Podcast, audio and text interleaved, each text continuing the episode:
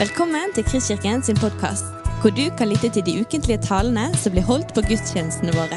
Vi håper denne podkasten vil inspirere og utfordre deg til å kjenne Gud, elske mennesker og tjene vår verden.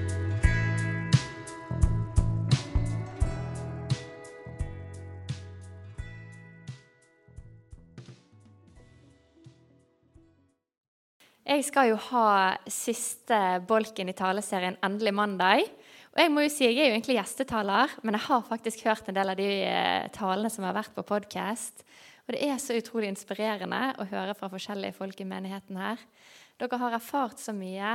og jeg vet den reisen Kristkirken har vært på. Dere har jo vært en av de foregangsmenighetene for tro og arbeidsliv. Så jeg må si jeg er litt sånn ydmyk når jeg snakker til dere her i dag. Det er litt skummelt. Men eh, jeg vet at jeg er blant venner, så det, dere får være greie med meg. det jeg skal snakke om i dag, det er tro i arbeid. Å jobbe med Gud. Ikke for Gud, men med Gud. Det er noe som har preget meg. Og så tenker jeg at jeg må først fortelle litt om hvem jeg er. Noen av dere vet eh, hvem jeg er fra før. Eh, både gjennom Hauge, Business Network og gjennom forskjellige settinger. Jeg ser igjen en del folk her. Men jeg er jo da Silje Nordahl Sylta. Jeg er gift med Runar Sylta, som for øvrig gikk i Kanalu her. Så jeg takker eh, Kanalu for den eh, gode opptreningen han har hatt med Kristoffer og Håvard og mange. Um, det er en velsignelse i mitt liv at Runar har gått på Kanalu. Um, og etter at vi giftet oss, så begynte vi å gå her. Vi gikk her en liten periode før vi ble med å plante Passion i Åsane. Og jeg må si Det jeg erfarte her i Kristkirken, det var veldig sterkt, og det preger meg fortsatt. Husker en gang vi kom her, og vi ba for generasjonene. De eldre ba for de yngre, de yngre for de eldre. En gang vi var her, så var det tatt opp folk fra ulike deler av samfunnet. Så ba vi inn i de ulike næringene. Og det er sånn som virkelig har preget meg. da. Og så husker jeg òg at eh, Kristkirken er faktisk et av de første stedene jeg turte å gå fram og vitne. Og det var litt spesielt, for da husker jeg jeg satt i salen her en gang. Så fikk jeg skikkelig hjertebank skjønte jeg bare gå opp og si noe. Da, da kjente jo ikke jeg så mange her. Så det var ganske skummelt. Men det jeg husker jeg skulle dele da, det var at mannen min han ble veldig oppfordret til å be for sin fremtidige kone når han gikk i Kanalu. Og i ettertid så var det akkurat den tiden jeg ble kristen på. Og det har vært utrolig sterkt for meg, det han har båret med seg her. Så nå er vi godt gift. Vi har eh, to gutter, Jonas og Aron. De kunne dessverre ikke være med her i dag, men jeg er heldig som får være en, så, en del av en så god familie. Som backer meg, som gjør at jeg tør å ta steg. Veldig takknemlig for dem. Og så jobber jeg da i Hauge Business Network. Det er jo en del av grunnen til at jeg er her i dag. Men jeg begynte å jobbe der i april i fjor. Og en del av dere kjenner til nettverket fra før. Men det vi er, vi et tverrkirkelig nettverk for gründerskap og trosliv på arbeidsplassen. Og vi brenner veldig for at mennesker skal komme inn i sitt fulle gudgitte potensial. Være de de var skapt til å være. Men òg lage et nettverk der folk kan stå sammen i næringslivet spesielt, men òg arbeidslivet. Så vi kan oppmuntre hverandre, stå sammen skulder ved skulder. Være med å inspirere gründere, være med å investere av og til når det skal til. Ja, Så det er veldig spennende. Og når jeg begynte å jobbe der i fjor, så var det veldig naturlig for meg å spørre Gud hva kan jeg være med og bidra med her. Eh, hvem, hvem tenker, eller hvem, hva, hva, egenskaper skal jeg bruke her? Hvordan vil du at jeg skal gå inn? Jeg har jo en arbeidsbeskrivelse, jeg har jo noen ting jeg skal måtte, gjøre, som jeg vet jeg kan gjøre på en god måte. Men jeg vil veldig gjerne at Gud skal være den som leder meg i det arbeidet jeg står i. Og at jeg ikke jobber for min egen del, for å få karriere eller penger eller status. Det er veldig lett for å bli drevet av, av de kreftene der. Men jeg ønsker å jobbe til Guds ære. Og det er ikke alltid lett, men det er det jeg ønsker. Og så er det et bibelvers som har preget meg eh, de siste årene òg, og det er Fesane 2.10. Og det er derfor at vi er Hans verk, skapt i Kristus Jesus til gode gjerninger som Gud på forhånd har gjort ferdig for at vi skulle vandre i det. Og jeg synes Det er så sterkt, for det viser så tydelig at det er Gud som har skapt oss i Kristus Jesus til gode gjerninger som han har lagt eh, ferdig på forhånd. Og Hva betyr det at Gud har lagt noe ferdig for oss på forhånd? Det tror ikke jeg at jeg forstår fullt ut, men jeg ber i hvert fall Gud om å lede meg inn på disse gjerningene som han på forhånd har gjort ferdig, og at jeg skal få lov å gå i noe av det han har i mitt liv. Jeg tror jeg klarer det av og til, så jeg ikke alltid klarer det. Men jeg har stor frimodighet på det. Det jeg opplevde, var at når jeg ba for hva jeg skulle bidra med i Hauge Business Network, så opplevde jeg ikke å få noe konkret sånn tiltale der og da. 'Dette, Silje, er det du skal gjøre.' Og så få en veldig klar instruks. Men det skjedde etter noen uker at en tanke fløy forbi. Og da kom denne tanken til meg. Dere må lage en podkast med hva jeg gjør. Hva jeg gjør i næringslivet. Løfte fram de gode historiene. Vitnesbyrden om det som er godt. Vitnesbyrden om hvem jeg er. Vitnesbyrden om at jeg lever i dag. Og det syns jeg var veldig sånn Wow, en podkast om hva Gud gjør, og der vi løfter fram vitnesbyrd og løfter fram hvordan mennesker lever med Gud i arbeidslivet, det må være fantastisk. Ikke noe for meg. jeg hadde ingen forutsetning for å starte en podkast, tenkte jeg. Eh, ikke glad i sånne tekniske ting. Altså fram med mikrofoner og redigering og Nei. Var, jeg trodde ikke at det var noe jeg kunne klare. Og jeg tenkte at det, her, det er jo så mange som er flinke til sånne ting. Det kan, det kan andre ta. Og så tenkte ikke jeg mer på det. Dere har kanskje flere hatt sånne tanker som på en måte streifer forbi, og så blir ikke det noe mer. Og så eh, var det noen dager seinere så hadde jeg avtalt et møte med Kina Robertshaw, som jobber i et lignende nettverk i England. Fordi at jeg hadde lyst til å lære av henne. Okay, hun er eh, en kvinne, kristen kvinne i et næringslivsnettverk som jobber med litt lignende ting som oss. Hva kan jeg lære av henne? Så hadde jeg dette møtet med henne. Regnet med å få liksom noen tips og triks. Og sånn. Og det hun sa, det var Silje, I've been praying for this meeting. And what I want to ask you is Do you know any stories that should be told? Vet du om noen historier som bør bli fortalt? Og jeg bare Nei, du tuller. Det her, det her kan det ikke være. Er det Og så bare søkte inn i meg da, at det handlet om den tanken jeg hadde fått for noen dager siden. At det var noe mer i den. Det var ikke bare meg sjøl som hadde tenkt sånn Ja, det hadde gøy. Jeg gjør ikke det. Men at det var noe mer i det. da. Så da opplevde jeg å få en bekreftelse på en tanke jeg hadde fått tidligere, som gjør at ok, jeg må i hvert fall sjekke ut om dette kan være mulig. For det virker jo veldig som at det ikke er meg sjøl. Hva er oddsen for at hun sier det når vi bare skulle møtes? Og jeg tenkte Det var jeg som skulle stille hun spørsmål, ikke hun som skulle komme med input sånn direkte. at hun hadde bedt på møte. Um, det neste jeg gjorde da, det var å snakke med en god venn av meg. Jeg er veldig heldig som har en venn som heter Daniel Sæbjørnsen, som mange av dere kjenner. Og han er jo rågod på podkast. Så jeg tenkte ok, nå må jeg spørre noen som kan gamet. Noen som liker dette, noen som syns det er gøy, noen som får energi av å drive med sånn, og har mye kunnskap. Men det er litt skummelt å komme og si at du, jeg har lyst til å gjøre dette. For i innsiden så føler man seg kanskje litt liten av og til. Sånn, ja, men hvem er du? Det er den der norske tankegangen. Ja, men hvem er jeg til å gjøre noe sånn? Hvem er jeg til å stikke meg ut? Hvem er jeg til å klare å få til en podkast? Men så sa jeg til Daniel du, Daniel, jeg har fått en tanke om å starte en podkast med kristne i næringslivet. Hva tror du om det?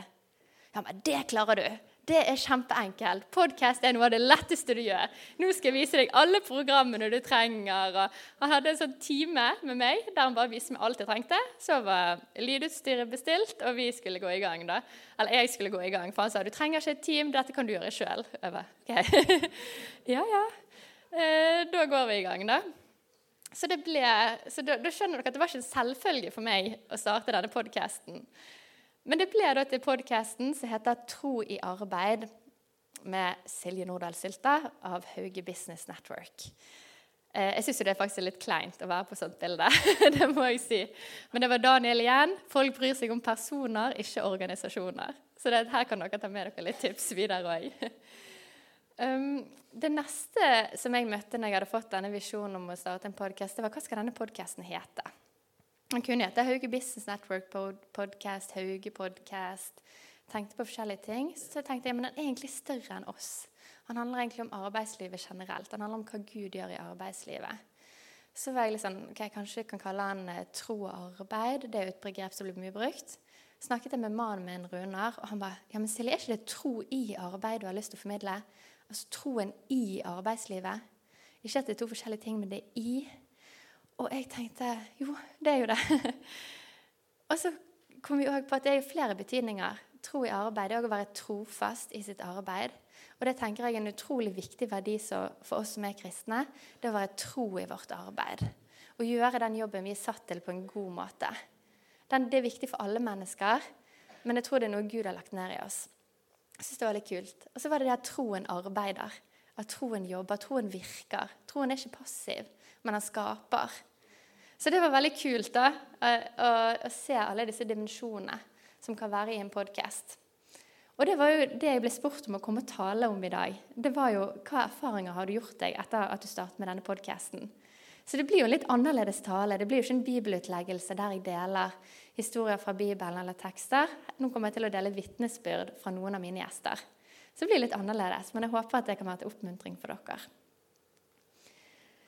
Men denne podkasten Nå har jeg hatt 20 eh, gjester, og vi er i gang med tredje sesong. Jeg må jo si at For min egen del har det vært en enorm berikelse. Og når jeg fikk dette spørsmålet hva har du lært, eller hva ser du nå, så var det egentlig et veldig godt spørsmål for meg å få. For da måtte jeg tenke gjennom hva er det egentlig jeg har lært? Hva er det egentlig jeg ser i de samtalene? Det er veldig lett å gå fra samtale til samtale og ikke på en måte få tid til å reflektere. Hva er det faktisk Gud viser oss, eller hva er noe av det jeg legger merke til i det arbeidet jeg står i? da? En av de tingene som jeg har lagt merke til, det er at de jeg snakker med, de har hatt et veldig sånn hjerte fra Gud. Hjerte for Gud. At de har ønsket å følge Gud. At de anerkjenner at de er avhengig av Gud. Og at de gir Gud ære for, den, for det arbeidet de står i. Bare en sånn Personene jeg har snakket med, de er veldig forskjellige. Men dette er noe av det som har på en måte preget flere. Og Det er sikkert mange som har hørt historien om Cato Lyngøy fra før. Vi har mange historier og vitnesbyrd vi pleier å dele fra han i, i nettverket. Han er jo òg styrelederen vår. Um, en av de tingene han opplevde ganske tidlig når han fikk visjon om egget, lukket oppdrettsanlegg, som skulle redde um, næringen fra lakselus og rømming, det var at han skulle gi Gud ære for denne visjonen og ideen han fikk. Han opplevde egentlig å få tiltale på at han skulle gi Gud ære i det offentlige rom. Og Det var utrolig gøy oppmuntrende når han fikk det. Men så sto han der med reporteren. Kanskje dere har hørt dette før. Så var han på en eh, konferanse, og så spurte han ja, hvordan fikk du denne ideen. Og da sa han at det han har lyst til å gjøre da, det er å si ja, jeg har jo vært teknologidirektør i Marine Harvest, eller Movi. Jeg har masse kunnskap. Nei, dette var på en måte en videreføring av det jeg kan. Eh, og det tror jeg vi alle kan kjenne litt. At, at man har jo lyst til å bli anerkjent som menneske og bli sett på som en som er god og kompetent og, og flink, og, så vet vi kanskje at når vi sier at 'nei, det var Gud', at folk vil tenke litt rare ting om oss. For folk kjenner ikke Gud. Så de vil kanskje tenke, altså Vi har mange fordommer om hva folk vil tenke, i hvert fall, når vi sier at vi er kristen. Men så fikk han dette spørsmålet på konferansen. Så sto han der. Og Da sier han at da kom Arne Sylta, da leder for Hauge Business Network, opp med siden av han. Og da var de to. Var liksom, Da sto han sammen med noen. Og da greide han å mumle fram sa 'Nei, jeg er kristen'. Og da var jo spørsmålet han fikk, «Eh, 'Du hva?' 'Kristen'. Eh, 'Ja, hva så?' Eh, 'Jo, det eh, Jeg fikk ideen for han som var både før høne og egget.' var liksom det som ble. Og så ble det overskrifter i masse store mediehus. Dagens Næringsliv og mange medier fanget opp dette. Så fikk det overskriften og fikk ideen før, eh, fra den som var før både høne og egget. Og da bedt Gud veldig liksom, gi meg noe gøy å si, i hvert fall. Sånn at det kan bli en liksom, Ikke bare kleint. det. Og det er noe av det jeg tror, eller det er noe av det jeg håper at vi kan være med og bidra til. Å lage en atmosfære der det blir lettere å ære Gud. For det er så lett når du sitter alene med Gud og sier at 'jeg vil gi deg alt', 'jeg vil følge deg'. Jeg har hatt mange sånne opplevelser der jeg tenker sånn 'Gud, jeg vil gi deg alt'. Når vi står her i lovsangen, sant? alt er ditt. Og så står du der alene i arbeidslivet eller i en vanskelig situasjon. Og så var ikke det så lett, da. Hva betyr det egentlig å gi deg alt i denne situasjonen? Det er noe jeg tenker mye på. Hva betyr det egentlig å gi mitt liv til Gud? Jeg syns det er så utrolig fint vitnesbyrd hvordan, hvordan faktisk det å ære Gud kan være noe som um, brer seg i samfunnet. da. Så tror jeg det var en uh, mulig her inne som var i et styrerom der det var en som hadde kommentert at så dere hva som sto i, i avisene? Vi må ha mer av dette. Og han var ikke troende ut ifra det vi vet. da. Men det er noe med det at mennesket lengter etter at Gud skal åpenbare sitt skaperverk. Og nå er det så mange som har avskrevet Gud, og de ser ikke hva han gjør. Så jeg tror det er så viktig å få løftet fram disse historiene, få æret Gud sammen. Og når vi er mange som gjør det, så er det mye lettere. Så det å, å finne ut hvordan vi kan ære Gud. Og dette ser veldig forskjellig ut fra arbeidsplass til arbeidsplass, person til person. Um, men vi forsøker Gud, se hvordan det kan se ut for oss. Og En ting jeg òg erfarte, det var det at eh, mange har øvd seg på å regne med Gud i hverdagen. Og det er det Regner vi med Gud i vår hverdag, der vi står, i situasjonen vi Regner vi med at Gud er med oss? Jeg tror jeg gjør det av og til. Jeg tror ikke jeg gjør det alltid. Men jeg som heter Trond Albert Skjelbred, han, jo, eh, han jobber i April, en av partnerne i April, som jobber med PR. Han er utrolig flink til å være ute og skrive i media en veldig viktig stemme som ærer Gud inn i det han står i. da. Men han sa at ofte når han blir ringt for Det er mange reportere som ringer han, og 'Hva mener du om dette? Hva tenker du om dette?' Så hadde han veldig lyst til å liksom trekke seg tilbake, bruke tid alene, reflektere. Men det har ikke du tid til som reporter eller når du blir intervjuet av noen. Du må liksom være på der og da. Så det han erfarte, det var at han bare begynte å regne med Gud. Han bare ga det til Gud, og så regnet han med at Gud var med når han svarte. Og så har han et stort bønneteam rundt seg òg, med folk som ber. Og det gir han en utrolig trygghet på at han kan gå eh, at han kan svare disse reporterne på en god måte når han blir intervjuet. Og det kjenner jeg òg at eh, det å regne med Gud For vi har jo gjerne lyst til å be Gud om alt og få konkret tiltale på alt. Det hadde jo vært mye lettere hvis vi bare hadde visst hele tiden hva som var Guds vilje, og hva han ville at vi skulle gjøre i alle situasjoner. Men det er ikke sånn Gud har skapt oss. Han på en måte leder i oss og gjennom oss. Jeg syns dette er utrolig underfullt. Veldig sånn spennende da, å utforske. Men det å regne med at Gud er med oss når vi søker Han, og når vi ber Han, det er noe i det. En ting jeg så at veldig mange òg gjør i arbeidslivet, det er å følge verdigrunnlaget på jobb. Og vi har jo verdens beste verdigrunnlag. Det, det har jo vi. Gud har jo gitt oss så mange gode verdier i Bibelen som vi kan jobbe med med ærlighet og menneskeverd og nestekjærlighet. Det er jo helt fantastiske verdier som vi kan leve og jobbe ut ifra. Og som mange vil være glad for at vi jobber ut ifra. At vi faktisk tar disse verdiene med oss på jobb. For det er virkelig til en velsignelse på de arbeidsplassene vi klarer å få det til. Og god forvaltning av penger, miljø og mennesker jeg eh, tenkte jeg kunne trekke frem Gina Gjerme som er en av de her. Hun er jo regionsdirektør i Capgemini, som er et konsulentselskap som jobber spesielt innenfor teknologibransjen. Og Det hun eh, pekte veldig på i vår samtale, det var at hun kan jo ikke på en måte forkynne på jobb i den grad. Men det hun kan, er å være en god leder som forvalter de ressursene hun har blitt gitt, på en god måte. Og Da gjelder det hele spekteret. Både drive god økonomisk um, business, men òg det å forvalte menneskene og miljøet på en god måte. Så passe på at de prosjektene de involverer seg i, er fokusert på bærekraft, og at vi forvalter jorden godt. Men hun snakket òg veldig mye om hvordan hun er opptatt av å forvalte menneskene som hun jobber med, på en god måte. At hun bruker tid, at hun bruker tid på dem og blir kjent med dem. Og at hun er opptatt av å skape et godt arbeidsmiljø der mennesker kan blomstre. Jeg tror det gir Gud virkelig ære når vi skaper arenaer der mennesker kan blomstre.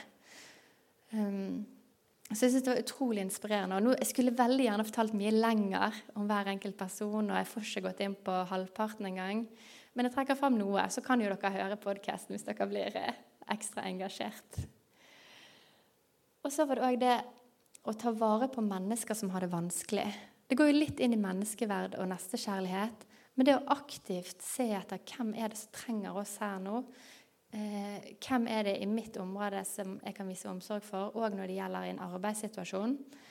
Og Rolf Henrik Karlsen han er en av tre gründere bak klesmerket Chosen. Jeg vet ikke om dere kjenner til det. Men de eh, har produksjonen sin i Bangladesh. og der har det vært egentlig så har det vært utrolig mye kritikk mot klesbransjen. Det har vært så mange arbeidere som har dødd på jobb, eller at de har hatt utrolig krevende arbeidsforhold. Så det var veldig viktig for de når de skulle gå inn i kles industrien og prøve å finne en god måte å gjøre dette på. Så bl.a. på fabrikken deres der har de en eh, barnehage, sånn at foreldrene kan ha med eh, barna på jobb, Har de barnehagen, og så henter de igjen. Og det er en utrolig stor styrke og velsignelse for de som jobber der. og det at de skal jobbe under gode lønnsvilkår og ha det bra på jobb. Og I tillegg så har de også valgt at for hvert klesplagg som blir kjøpt, så skal det gå penger til et måltid. Sånn at de skal være med og gi mat i områdene de jobber. Så det er en veldig sånn eh, annerledes modell for klesbransjen. Og det tror jeg at Gud på en måte kan gi oss ulike måter å være litt annerledes enn i den bransjen vi jobber. Jeg syns det var veldig inspirerende å se hvordan de jobber. Og så Gud han kan òg lede i arbeidslivet. Og dette her er noe jeg har eh, brukt en del tid på sjøl. Det er å finne ut hvordan er det Gud leder. Så veldig mye bibeltekster på dette her. Jeg får ikke tatt det nå. Men det jeg har sett, er at Gud han leder jo gjennom sitt ord. Han har gitt oss Bibelen med så mye råd inn i vår hverdag og inn i vårt arbeidsliv og inn i situasjoner vi står i. Så det å gå til Bibelen for visdom Og det er det veldig mange i podkasten som peker på, at de går til Bibelen for visdom.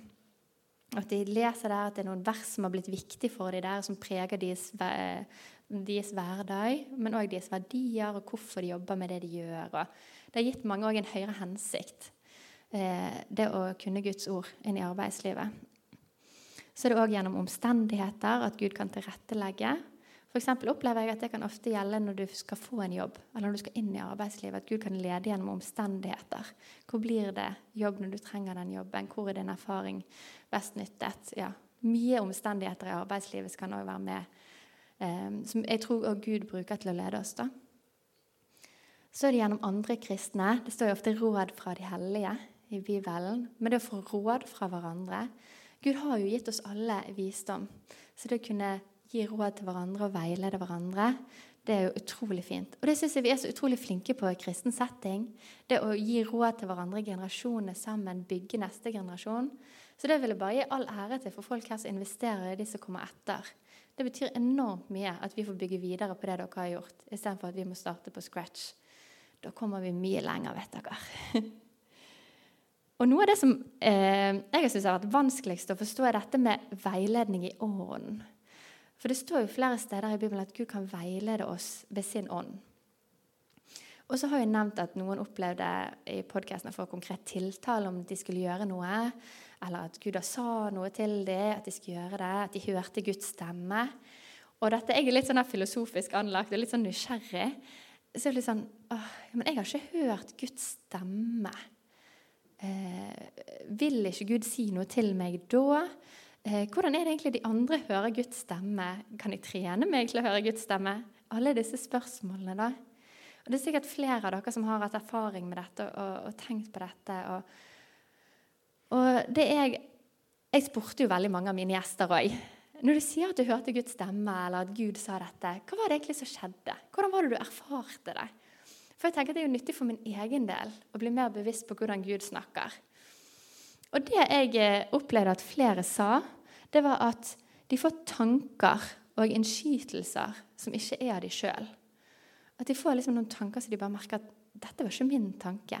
Jeg har egentlig ikke omsorg for de, eller jeg vet at denne ideen kommer egentlig ikke fra meg sjøl. Og veldig ofte så kan det òg være bekreftelser på det i ettertid. Og jeg tror dette går noe på det der med å øve seg i å høre Guds stemme. Nå er ikke jeg en fagperson eller teolog, så det her kommer veldig mye egne erfaringer og betraktninger. Selv om jeg har et par bibelfag. Men jeg vet det er mange som har mer teologisk utdanning enn meg. Men, men, jeg tror det går på det å tørre å gå på disse innskytelsene og tankene man får. For jeg vet for min egen del at når jeg får sånne tanker og innskytelser 'Dette burde jeg gjort for den.' Kanskje jeg skulle ringt den i dag. Kanskje jeg skulle prøvd det å gjøre ting på denne måten. Så er det veldig lett for at jeg bare lar det glir forbi eller lar det glir forbi, men det å faktisk fange den tanken. Og Jeg tror det var egentlig litt det som skjedde for meg med podkasten òg. At tanken bare kom og eh, gled forbi. Jeg var ikke helt trent i det der å fange opp de ideene som kom. Og da har vi heldigvis jeg tenker Hvis det er viktig nok for Gud, så vil han gi oss bekreftelser. Og det hviler jeg i. da. At hvis det er noe så viktig for Gud, så vil han gi oss bekreftelser. Og gi oss flere muligheter til å gå på de tankene og tingene han gir oss. Jeg syns en som sa dette på en god måte i podkasten. Det er en som heter Rolf Terje Jacobsen. Han er en sånn klassisk gründertype som rett etter eh, grunnskolen gikk ut og begynte å starte forskjellige ting. Og han eh, har jobba nå med noe som heter foam rocks, som er isolasjon av glass. Utrolig fascinerende. Men det er veldig viktig i den bransjen han jobber i, da, for det kan gjøre isolasjon mye billigere og mye mer eh, miljøvennlig. Og det han sa når jeg snakket med han, det var at han opplever helt konkret at de ideene han har fått om denne glassisolasjonen, at det ikke var fra han sjøl. Og han har fått så mange vitnesbyrd underveis og konkret tiltale inn i ting. Han sa Altså Det var en historie som rørte meg veldig. men det var at eh, Noen dager før jul så satt han der uten penger. Og Han skulle lønne sine ansatte, og han hadde ikke penger til lønn. Det er en fortvilende situasjon å stå i. Altså, Jeg er så glad for at jeg aldri har vært i en sånn posisjon. Men det er jo noen av de utfordringene man kan ha som leder. sant? Eller Hvis man har startet en bedrift, så skal du plutselig lønne folk, og så er ikke pengene der. Hva gjør du? um, og I tillegg så opplever du at Gud har gitt deg visjonen. Hvorfor, hvorfor er ikke pengene der? Men det han gjorde, det var å sette seg ned noen dager før jul så bare ba han Gud liksom, hva skal vi gjøre med likviditeten. Hvor, eh, hvor skal vi hente penger? Hva er din løsning? Så satte han seg ned og ba istedenfor bare å prøve å få tak i alle. Og så opplevde han å se han hadde, Jeg tror han hadde en plakat eller noe. Dere får høre podkasten. Men så så han i hvert fall navnet på et bedrift. Så ringte han de, og han opplevde at Gud sa at der er løsningen din. Det er disse skal bringe pengene. så tok han kontakt med de. Og så fikk han de pengene han trengte til å lønne ansatte og fortsette å gå i en veldig kritisk fase i selskapet sin historie. Det syns jeg er så tøft. da. At han på en måte istedenfor å prøve å bare jobbe seg i hjel med å finne en løsning, at han brukte tid på å søke Gud. Han hadde sikkert allerede jobbet seg i hjel med å prøve å finne en løsning det, siden det var såpass krevende. Men jeg syns det i hvert fall er utrolig interessant å se hvordan Gud og hvordan Ånden kan veilede oss i arbeidslivet. Jeg ser for meg flere av dere her inne har hatt en eller annen erfaring av det. Og så er det flere som peker på et skifte, flere av gjestene, der de før tenkte sånn om sitt arbeidsliv og sin tro, men nå tenker sånn. Det skjedde et eller annet som gjorde at de nå opplever at Gud er en større del av hverdagen, en større del av arbeidslivet. Kanskje perspektivet på arbeidslivet har endret seg. Um, og Det var akkurat som at flere har fått på en måte en åpenbaring av hva de ble kalt til. Og det med kallelse og kall er jo et veldig stort begrep. Og vi er jo kalt først og fremst til å leve i relasjon med Gud. Elske Han og elske vår neste. Men så er det òg det at du kan òg Jeg tror i hvert fall at Gud kan legge ned oppgaver for oss for at vi skal vandre i dem. Og det ser vi mange ganger i historien at Gud har hatt et kall til mennesker, noe de skal gjøre, en oppgave de skal utfylle. Og det tror jeg han kan ha for oss òg, på en eller annen måte. Det er ikke alltid en sånn svær ting vi skal gå inn i. Det kan òg være, tro, være trofast i det vi står i. En som opplevde en veldig sånn stor endring, det er Bjarte Karlsen. Han er eh, veldig opptatt av vitenskap, veldig opptatt av kunnskap. Jobbet mange år i et veldig vitenskapelig miljø. Det gjør han for øvrig fortsatt. Um, og det han opplevde, var at det var ganske krevende å være kristen i et vitenskapelig miljø. Fordi eh, det var ikke så mange andre kristne, ut ifra hans erfaring. Og at det var litt som at de kristne ble sett på som litt enkle. At hvis du var kristen, så var du litt enkel. Det var derfor du kunne tro, for du hadde ikke forstått på en måte det hele bildet. Du hadde ikke satt deg inn i hvordan verden egentlig fungerer. Og dette er kanskje en fordom flere kan kjenne på. da, At ja, vi er kristne fordi vi vet ikke bedre. Men det er jo helt Det, det stemmer jo ikke. Vi vet veldig godt, vi. Vi har satt oss inn i mye. Og særlig han også, som har satt seg inn i vitenskap og i troen så tydelig. Det var krevende da, å skulle stå som kristen og vite at de fordommene finnes der. Så han sa at han fikk en skikkelig troskrise når han var i dette vitenskapelige miljøet, der han begynte å tvile på Bibelen. Så han lurte egentlig på kanskje, kanskje jeg bare skal legge det med Bibelen bak meg. For jeg får ikke det til å stemme med evolusjonsteorien og de andre teoriene som her er veldig viktige i miljøet. Og så opplevde han en dag Han bodde i USA da. Så opplevde han en dag å få helt sånn konkret tiltale på Sett mitt ord først, så vil alt det andre komme på plass. Han opplevde helt konkret at han skulle endre fokus. Istedenfor å sette det vitenskapelige han jobbet med, høyest, og så på en måte Bibelen her og prøve å få ting til å passe, så skulle han sette Guds ord høyest, og så skulle han se verden ut ifra Guds ord. Og han sa at på dagen så endret hans perspektiv seg på hvordan han så verden. Og disse bibelhistoriene som han hadde lest før, men som kanskje ikke betydde så mye for ham. Sant? Vi har jo disse her med Noas ark og veldig mange av disse historiene i Gamle testamentet som ja, vi har lest, men kanskje ikke har betydd så mye personlig for oss. Han sa at det ble så virkelig for ham. Og fikk en helt ny sånn kjærlighet og forståelse av Bibelen som begynte å prege hvordan han så verden. Et skikkelig skifte. Og han sa at på sju år så hadde han aldri turt å vitne til noen. For han visste ikke om det fundamentet han sto på, var sant og var godt. Men når han fikk dette skiftet, der han satte Bibelen først, så vitner han. Og Han har vitnet til så mange, og han opplevde samme dag som dette skiftet skjedde, med hvordan han så på Bibelen, så opplevde han å få et kall til å bli lærer. Og det syns jeg er veldig vittig, for han likte ikke å stå foran folk. Han likte ikke å undervise. Men han opplevde likevel han fikk liksom, at ok, du skal bli lærer. Så i det han fikk det skiftet, så fikk han òg noe han skulle gå inn i. Og det han har opplevd seinere, som han ikke skjønte da, det var at han skulle undervise Guds folk om Bibelen og om vitenskap. Um, og så er det flere ting også knyttet til det kallet. da. Men det er utrolig interessant. En som opplevde dette skiftet litt mer som en prosess, det er en som heter Myrt Helen Våge. Hun er management, eh, management consultant i Bain Company. Det som altså tidligere var en del av Kvarts, så ble en del av Bain Company. Og hun opplevde at Gud tok henne på en prosess. For hun studerte i Trondheim, siviløkonom. Hun skulle ut i jobb. Hun hadde allerede fått jobb akkurat der hun ville. Og hun var liksom på vei der hun skulle. Og så opplevde hun et kall til å bli eh, prest i Salem. Eller pastor i Salem. Og så valgte hun å gå for dette. da. Hun takket nei til Kvarts. Kjempegod lønning, kjempespennende jobb som hun var kvalifisert til. Og valgte heller å gå inn eh, og være pastor i Salem. Og der hadde hun jeg tror det var tre år, eh, der hun lærte veldig mye. Veldig andre ting enn hun trodde, men da sto hun i en tjeneste i, i Salem. Hun var veldig viktig der. Det var der jeg møtte henne òg. Da var hun veldig fokusert på dette med tro og arbeidsliv. Og ganske lignende eh, fokus i det dere har her. da. Um, hun gjorde en veldig viktig tjeneste der, og inn med å utruste studentene til det kommende arbeidslivet. Og så opplevde hun da at Gud etter de tre årene i menighet, at, Gud, at hun skulle videre igjen. Og tilbake til den samme jobben som hun en gang hadde fått. Så da gikk hun inn etter tre år i Kvarts, med en helt annen ballast på trosfronten òg, når hun kom inn der. Um, og det var en skikkelig sånn tillitsreise for hennes del. For hun visste jo egentlig at sannsynligheten hennes for å få den jobben igjen var jo lavere. I og med at hun hadde jobbet som pastor, og det kunne kanskje være vanskelig å forklare. Men hun, hun opplevde at det ble en veldig styrke. da, Og at det ikke la noe hinder for henne, men at det åpnet veldig mange dører. Så det, da opplevde hun at Gud tok henne på en prosess, og i den prosessen så lærte Gud henne mange ting. Og Myrt er kanskje en av de jeg kjenner til som har mest sånn konkrete ting hun gjør i sin hverdag. Hun er ekstremt bevisst.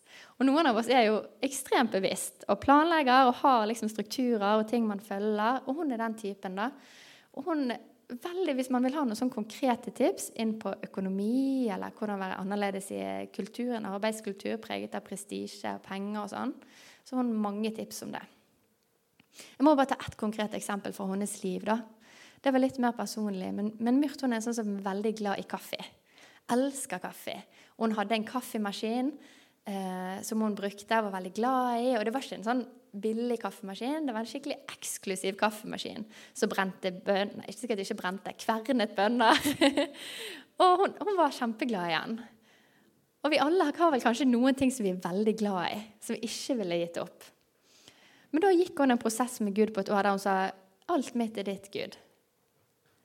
Så opplevde hun da et år seinere at hun møtte noen andre som hun bare ga kaffemaskinen til. Hun ga denne kaffemaskinen som hun var så glad i. Hun ga den med glede. Og hun sa det ville aldri skjedd med meg for et år siden. Jeg ville aldri gitt den fra meg. Og hvis jeg ble tvunget til å gi den fra meg, da hadde det i hvert fall ikke vært gøy. Men det òg å gå i den prosessen med For jeg tror det er jo en utfordring vi har i Norge. Vi har så mange ting. Og vi blir jo glad i tingene våre. Vi blir glad i huset vårt. Vi blir glad i det vi har. Da. Vi blir veldig tilknyttet til det.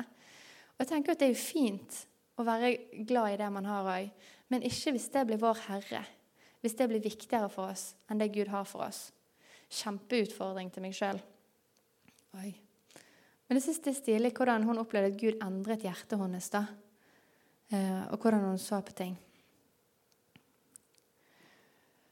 Og så er det et sånt begrep som flere peker på, men det første steget er det viktigste. Det var Cato som sa det først, tror jeg, eh, til meg. Um, og Det at når du får, det gjelder jo kanskje spesielt for gründere, men kanskje for oss alle òg. Men at når du får noe du skal inn i, noe du skal gjøre, så er det det å ta det første steget. Det er det viktigste. For da er du i gang. Da er du i gang med å gå på dette som Gud har for deg. Da. Enten det er stort eller lite. Um, så han sa at for hans del, da, det å faktisk tørre å gå i gang og prøve å realisere egget, det var et veldig viktig steg. Så har det vært mange viktige steg underveis, men det er faktisk tørre. Jeg tror Gud gir oss så mange visjoner og ideer og ting og ja, ting han ønsker vi skal gå inn i, som vi rett og slett ikke tør å gå inn i. Sånn som for min egen del med podkast. Det kunne jeg lett droppet, for jeg tenkte at jeg ikke var kvalifisert, og at det ikke var noe for meg. Og jeg tror det er mange sånne ting i våre liv. Og vet at det er ting i mitt eget liv òg som jeg nok kunne gått på, som jeg ikke har gått på ennå. Um, og så tenker jeg at vi skal ikke la oss tynge. Jeg har ikke lyst til at det skal være sånn at å, vi skulle gjort så mye mer og vi skulle gjort så mye bedre. Men rett og slett heller kjenne på en sånn frimodighet til å tørre å gå når det gjelder. At det på en måte er noe jeg vil eh, oppmuntre til. da. Og så Tro i arbeid kommer i mange former. Og Det er en av de visjonene mine med podkasten òg. Det vise at å koble tro i arbeidsliv det ser uendelig forskjellig ut fra person til person. Og jeg tror at Tidligere når vi hadde fokus på det med tro og arbeid, så var det veldig den evangelisttypen. Sånn vi må snakke om Jesus med menneskene rundt oss. Vi må snakke om Jesus i pausen. Vi må liksom eh, forkynne mye på jobb. Og jeg tror at absolutt det er rom for å snakke om Gud på jobb. Men jeg tror at vi er anlagt litt ulikt, og vi er litt forskjellige. Og for noen så ville det å skulle være en sånn evangelisttype på jobb det ville vært utrolig Altså, du ville ikke vært deg sjøl. Du ville prøvd å passe inn i en form som du trodde var rett for å ære Gud. Men så ender det opp med at du prøver å bli noen du ikke er. Og jeg tror at det Gud har kalt oss til, det er å bli den han har skapt oss til å være. Og da tror jeg at tro i arbeidsliv vil se veldig ulikt ut fra person til person, fordi vi er ulike. Gud har skapt mangfold. Gud elsker mangfold. Hvis ikke hadde ikke han skapt oss så forskjellige. Vi har ulike gaver og egenskaper. Vi har ulike interesser og hjertesaker. Og det er sånn det er ment til å være. At vi må gå på de hjertesakene, interessene, gavene, egenskapene Gud har lagt ned i oss. For vi skal ikke sammenligne oss med andre, men bli den Gud har skapt oss til å være. Og jeg tror det òg er ofte et stort hinder for oss, det der med den sammenligningskulturen. For det er veldig lett for Eh, jeg kan ta mitt eksempel igjen da, med podkasten. Jeg vil starte podkast. Ja, men det er veldig mange andre som er mye bedre enn meg. Da tror jeg ikke jeg skal gjøre det, for det er veldig mange andre som kunne klart det bedre enn meg. Jeg kan peke på folk allerede her. liksom. Da hadde jeg ikke gått på det jeg fikk, da. Um, og det sammenligner kan skje på veldig Av og til så sammenligner vi oss uten at vi vet det. Jeg tror det er egentlig litt menneskelig òg å sammenligne oss. Men jeg tror at Gud vil at vi skal komme inn i det han har skapt oss til å være. De, han har, skapt, de han har skapt oss til å være. Og ikke en kopi av noen andre. Veldig lett å si, ikke alltid så lett å leve ut. Noe som har overrasket meg, det med det at tro i arbeid, det er ikke bare lett. Selv om du opplever at du går på det Gud har gitt deg. En jeg snakket med som heter Edith Eikeland. Hun har jobbet flere steder, bl.a. i Bama og Mesta. Veldig sånn mannsdominerte arbeidsplasser. Hun har nok følt seg litt alene som kvinne. Eh, og hun opplevde at hun ble kalt til en jobb som var veldig krevende. Og hun opplevde virkelig at Gud ville at hun skulle være der. Og når jeg spurte hun, vet du nå hvorfor du skulle være der, nei. Jeg vet ikke hvorfor jeg skulle være Jeg vet at jeg skulle være der. Jeg vet at det ble vanskelig for meg. Men jeg tror fortsatt jeg skulle være der. Men jeg vet ikke fullt ut hvorfor. Og Gud han har så mye, mye større perspektiv enn det vi noen gang kan få. Og sånn som du nevnte i sted med at Gud um, At vi kan, eh, vi kan, prøve å bli kjent med Gud i det uendelige. Vi vil alle forstå han fullt ut. Og Gud har et mye større blikk på samfunnet enn det enkelt, oss som enkeltpersoner kan ha. Så av og til vil vi rett og slett ikke få svar på hvorfor vi er her, hvorfor vi opplever dette, hvorfor dette skjedde akkurat med meg, um, hvorfor er verden sånn som dette? Gud, hvorfor gjør ikke du noe der nå? Vi, kom, vi, kommer aldri til å vite det fullt ut. Og det er på en måte litt kjipt, for jeg tror som mennesker at vi ønsker å vite. Vi ønsker å forstå. Men det er ikke alt Gud har ment oss til å forstå fullt ut ennå. Og det kan òg gjelde i våre egne liv. At vi står i ting som er tøft. Vi vet ikke hvorfor, det er ikke noen grunn som vi kan se. Men vi står her likevel. Men det å ha tillit til at Gud er med da, det tror jeg er nøkkelen. Ha tillit til at Gud er med når vi ikke skjønner hvorfor. Og så tror jeg arbeidet ikke lett. Arne Sylta han fikk jo denne visjonen om å starte mikrofinans i Burundi i 2007-2008. Og han har virkelig gått på det nå, og nå er det blitt et vitnesbyrd. Nå er det 36 000 arbeidsplasser i Burundi. Vi er med å påvirke en kultur, vi er med å påvirke et samfunn. Vi gir arbeidsplasser. Kjempesuksesshistorie nå. Ikke en selvfølge at det skulle bli en suksesshistorie. For det er utrolig mange krevende ting som vi møtte på underveis. Og så vil vi fortsatt møter. Jeg jobber i Hauge Mikrofinans òg, så jeg er veldig vid der. um, og det er litt sånn spesielt, for Arne er veldig tydelig på at det var Gud som kalte han til nasjoner til å bety en forskjell i Burundi. Men likevel så har ikke det vært lett. Så det at selv om man går på tanker og visjoner som man får, så betyr det ikke at vi har en lett reise. Gud tar oss ofte på litt sånne kronglete reiser av en eller annen merkelig grunn. At det blir litt sånn som dette her. Jeg vet ikke hvorfor. Jeg tror, at en av de, jeg tror, jeg tror personlig da, at en av grunnene til det er fordi at Gud er mer opptatt av hvem vi er, enn hva vi presterer. Så jeg tror at Gud på en måte trenger å ta oss noen reiser, sånn at vi skal bli ydmyke, f.eks. Ikke være stolte. Det er veldig lett for å bli stolt på seg sjøl hvis man lykkes i alt. Men f.eks. ydmykhet. Det tror jeg er en av de tingene vi trener når veien er sånn som dette her. Men her, jeg, her gleder jeg meg til å lære mer òg. Så kan jeg si òg Cato Lynge igjen. Han, eh, for han har nok tatt mye lengre tid med egget enn det han hadde trodd. Og Det tror jeg òg gjelder veldig mange som har et kall eller en oppgave de går i, en visjon de har, noe de har lyst til å utrette. At ting tar så utrolig mye lengre tid enn man skulle tro. Og det er at Vi vil jo gjerne at når vi, fått, når vi, ser hva som skal skje, eller hva som vi har lyst til at skal skje, eller har en visjon om noe Gründere lever jo ofte med dette. Du skal starte denne bedriften, sånn skal det bli. Men òg menighetsplantere, faktisk. Du har startet en menighet. Sånn kan det bety for byen. Og så må du likevel gå disse stegene steg for steg. da. Og det kan ta mye lengre tid enn vi hadde hatt lyst til sjøl. Men det, er, det betyr ikke at ikke Gud var med, og at det ikke var fra Gud. Det tar tid. Det bare tar tid. Av mange grunner. Nå begynner jeg å nærme meg litt slutten. Men en av de tingene jeg vil si som har vært viktig for mange, det er å stå sammen. Gud har ikke skapt oss til å stå alene. Så er det litt sånn i parentes, Det er litt for mye individualisme ute og går. Og det er veldig lett for eh, veldig mange sånn, Vi er jo en individualistisk kultur. Sant? Det handler jo mye om individet og hva vi kan få til. og at du skal klare det alene. Med influensere, f.eks. Det er veldig fokus på den ene som skal på en måte gjøre det skikkelig bra.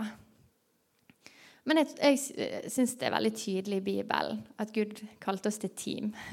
kalte oss til å stå sammen med andre. Disiplene gikk ut to og to. To Jesus valgte tolv disipler, ikke én.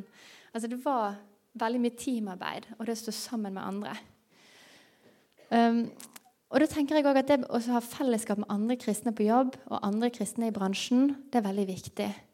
Um, fordi at de forstår hva du faktisk går igjennom på arbeidsplassen din. Jeg tenker I, i stormenigheten her så kan vi absolutt oppmuntre hverandre. Men det er, som, det er noe med å ha noen som står litt i det samme som du står i. Som skjønner hvor krevende det faktisk er uh, med penger, penger når du håndterer, håndterer mye penger. Hva gjør det med deg som person?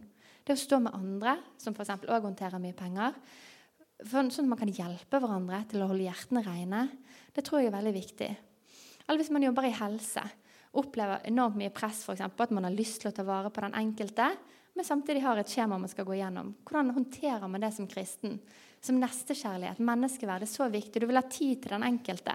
Men så er kanskje ikke arbeidshverdagen lagt opp til at du har tid til den enkelte. Hva kan vi gjøre med det? Vi, er det noe vi kan gjøre, utfordre i forhold til strukturen? Eller handler det her bare om å stå sammen og oppmuntre hverandre? Jeg tror at det å ha et fellesskap med andre det hjelper deg til å være tro mot Gud, til å være tro mot dine egne verdier, og det hjelper deg til å ha en høyere hensikt i ditt arbeid. For jeg tror veldig mange, jeg kjenner i hvert fall for min egen del når jeg er på gudstjenesten eller når jeg er i fellesskap med andre kristne, så virker ting så enkelt og så greit. og Gud er god, og jeg ønsker å følge Han, og jeg vil gi livet mitt til Han. Og så står jeg der i hverdagen, og så vet jeg ikke hvordan det ser ut i min arbeidskontekst. Å stå da sammen med andre som har akkurat de samme perspektivene, det er gull verdt. Og det her er jo veldig viktig for meg òg. Og det er jo blant annet fordi det er jo en av grunnene til at Hauge Business Network eksisterer. For vi anerkjenner at vi kan ikke stå alene i næringslivet. Vi må lage en bevegelse, et nettverk der vi kan stå sammen, jobbe sammen og heie på hverandre. Og så vil jeg ta opp det med yrkeslag òg. Endre Jone, som går her, som mange kjenner til, eh, han løfter det på en utrolig fin måte i sin eh, episode med bønnefellesskap. Viktigheten med å stå sammen med andre i bønn på arbeidsplassen. At da skjer det noe når vi ber for vår arbeidsplass. Så Det er også noe vi heier veldig på nå. Det er bønnefellesskap rundt omkring på arbeidsplasser i Norge. Så jeg liksom får med lys på mange arbeidsplasser i Norge der vi søker Gud for arbeidsplassen. Og så ser vi hva han, hva han vil. Følger han der. Så da har vi kommet til siste sliden. Og det er 'regn med Gud'. Vær deg sjøl og stol på at Gud vil lede. Vær tro til dine verdier, og ikke vær redd for å skille deg ut i samfunnet. Det vi bringer, det er faktisk gode nyheter. Og det er, det, Der kan vi egentlig gå med frimodighet. Jeg tror vi altfor lett holder tilbake. Um, men det å gå ut med gode nyheter, og så skal vi be om visdom. Vi må gjøre det på en god måte. Der hjelper det òg med fellesskap til å finne gode måter å gå ut med de gode nyhetene på. Så avslutter jeg igjen med bibelverset som jeg startet med, Feserne 2,10. For vi er Hans verk, skapt i Kristus Jesus til gode gjerninger, som Gud på forhånd har gjort ferdig for at vi skulle vandre i de. Det er ikke vår egen ære og egne prestasjoner som gjelder, men det å leve med Gud og gi Han ære for det vi står i. Amen. Du har lyttet til en podkast fra Kristkirken i Bergen. Vi håper du har blitt inspirert og utfordret i din vandring med Gud. Vil du vite mer om oss, så klikk deg inn på kristkirken.no.